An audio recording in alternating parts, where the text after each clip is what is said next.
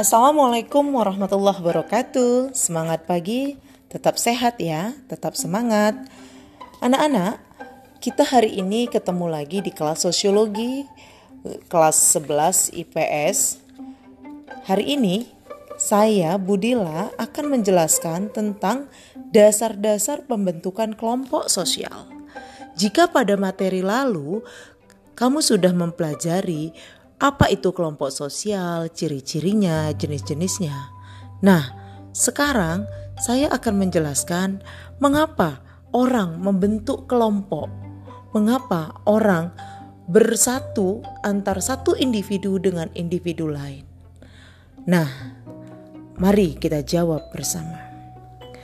Orang membentuk sebuah kelompok sosial karena satu adanya kepentingan yang sama. Karena saya, kamu, dan dia memiliki kepentingan yang sama untuk tetap sehat, maka kita membuat komunitas goes. Tujuannya supaya kita bisa bersepeda setiap hari dan agar badan kita menjadi sehat. Kepentingan kita yang sama membuat kita merasa penting untuk bersatu dalam sebuah kelompok goes anak galang. Yang kedua adalah mengapa orang berkelompok atau membentuk kelompok karena ada ikatan darah dan keturunan yang sama.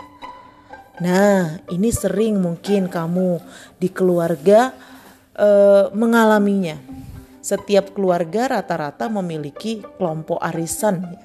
Arisan keluarga. Kamu sering diajak oleh ayah atau ibu pergi arisan keluarga dari sebelah ayah atau dari sebelah ibu.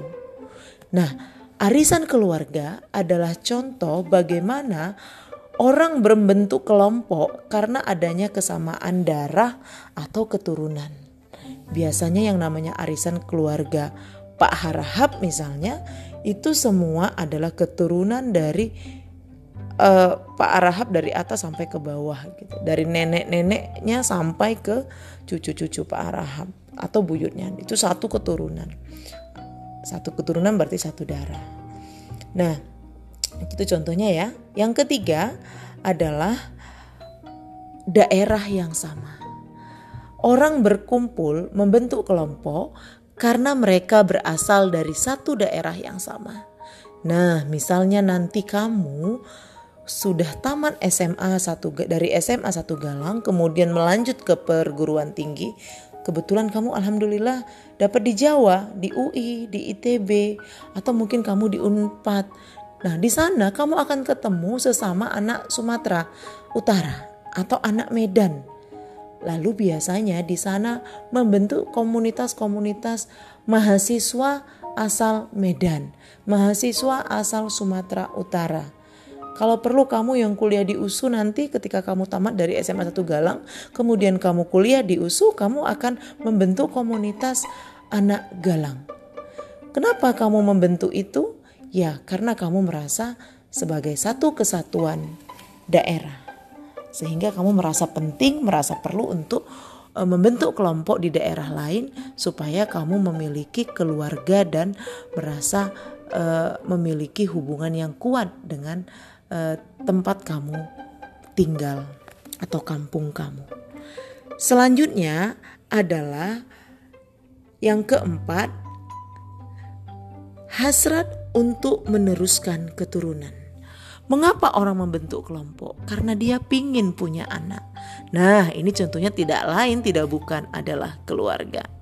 Nanti kamu kalau sudah besar, sudah eh sudah besar ya, sekarang juga sudah besar, sudah tamat sekolah, sudah kuliah, bekerja, kemudian menikah, kemudian kamu ingin memiliki anak melalui pernikahan, maka itulah disebut dengan kelompok sosial primer, yaitu keluarga. Setiap orang yang berkeluarga pada dasarnya selalu menginginkan keturunan. Nah, selanjutnya adalah yang ke lima adalah pengalaman praktis intelektual. Orang berkumpul, berkelompok karena ingin membentuk sebuah eh, kesatuan karena berdasarkan intelektual. Misalnya nih, kamu nanti tamat dari eh, sarjana tersamat dari fakultas ekonomi ekonomi gitu maka kamu dengan teman-teman kamu membuat sebuah uh, asosiasi yang namanya Ikatan Sarjana Ekonomi atau Ikatan Sarjana Sosiologi. Nah, tujuannya apa? Supaya kamu memiliki penguatan-penguatan menambah kapasitas kamu sebagai seorang sarjana ekonomi atau sarjana sosial. Melalui apa? Melalui komunitas itu. Kamu melakukan penelitian bersama, membuat seminar bersama, membuat workshop bersama. Ini hanya bisa dilakukan oleh orang-orang yang memiliki intelektual yang sama. Kemudian adalah orang berkelompok karena ingin e, memiliki kerja yang efektif dan efisien. Nah, ini contohnya ketika kamu masyarakat Galang Kota melakukan gotong royong. Kenapa kamu ber, e, membentuk kelompok kerja? Ada kelompok A yang membersihkan khusus jalan, ada kelompok B yang memberi membersihkan khusus e, parit. Nah, ini dibentuk kelompok ini supaya apa? Terjadi efektif dan efisien dalam bekerja. Pekerjaan teratur dan hasilnya pun maksimal. Selanjutnya adalah dorongan untuk mempertahankan hidup. Life is fight. Hidup adalah perjuangan. Makanya setiap kita berusaha bagaimana kita bisa hidup dengan baik dan uh, terpuji dari mulai lahir sampai akhirnya meninggalkan dunia ini. Oleh karena itu, kita membutuhkan orang lain agar bisa mempertahankan hidup kita menjadi lebih baik. Contohnya, kamu uh, mengikuti uh, pelatihan apa namanya, mengikuti uh, komunitas karate, kelompok karate, supaya apa? Supaya kamu memiliki kekuatan, keterampilan untuk mempertahankan hidup kamu jika suatu saat kamu uh, dalam ancaman atau bahaya. Nah, itu contohnya ya.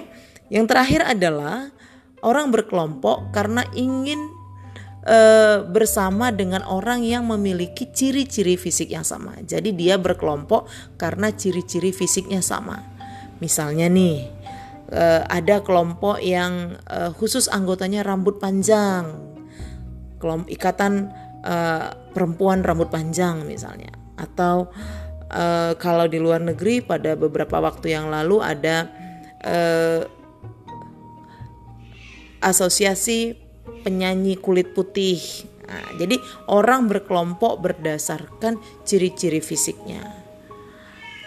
Nah, ini adalah alasan mengapa orang membentuk kelompok dalam masyarakat. Oke? Semoga bisa difahami. Assalamualaikum, semangat pagi. Tetap sehat, tetap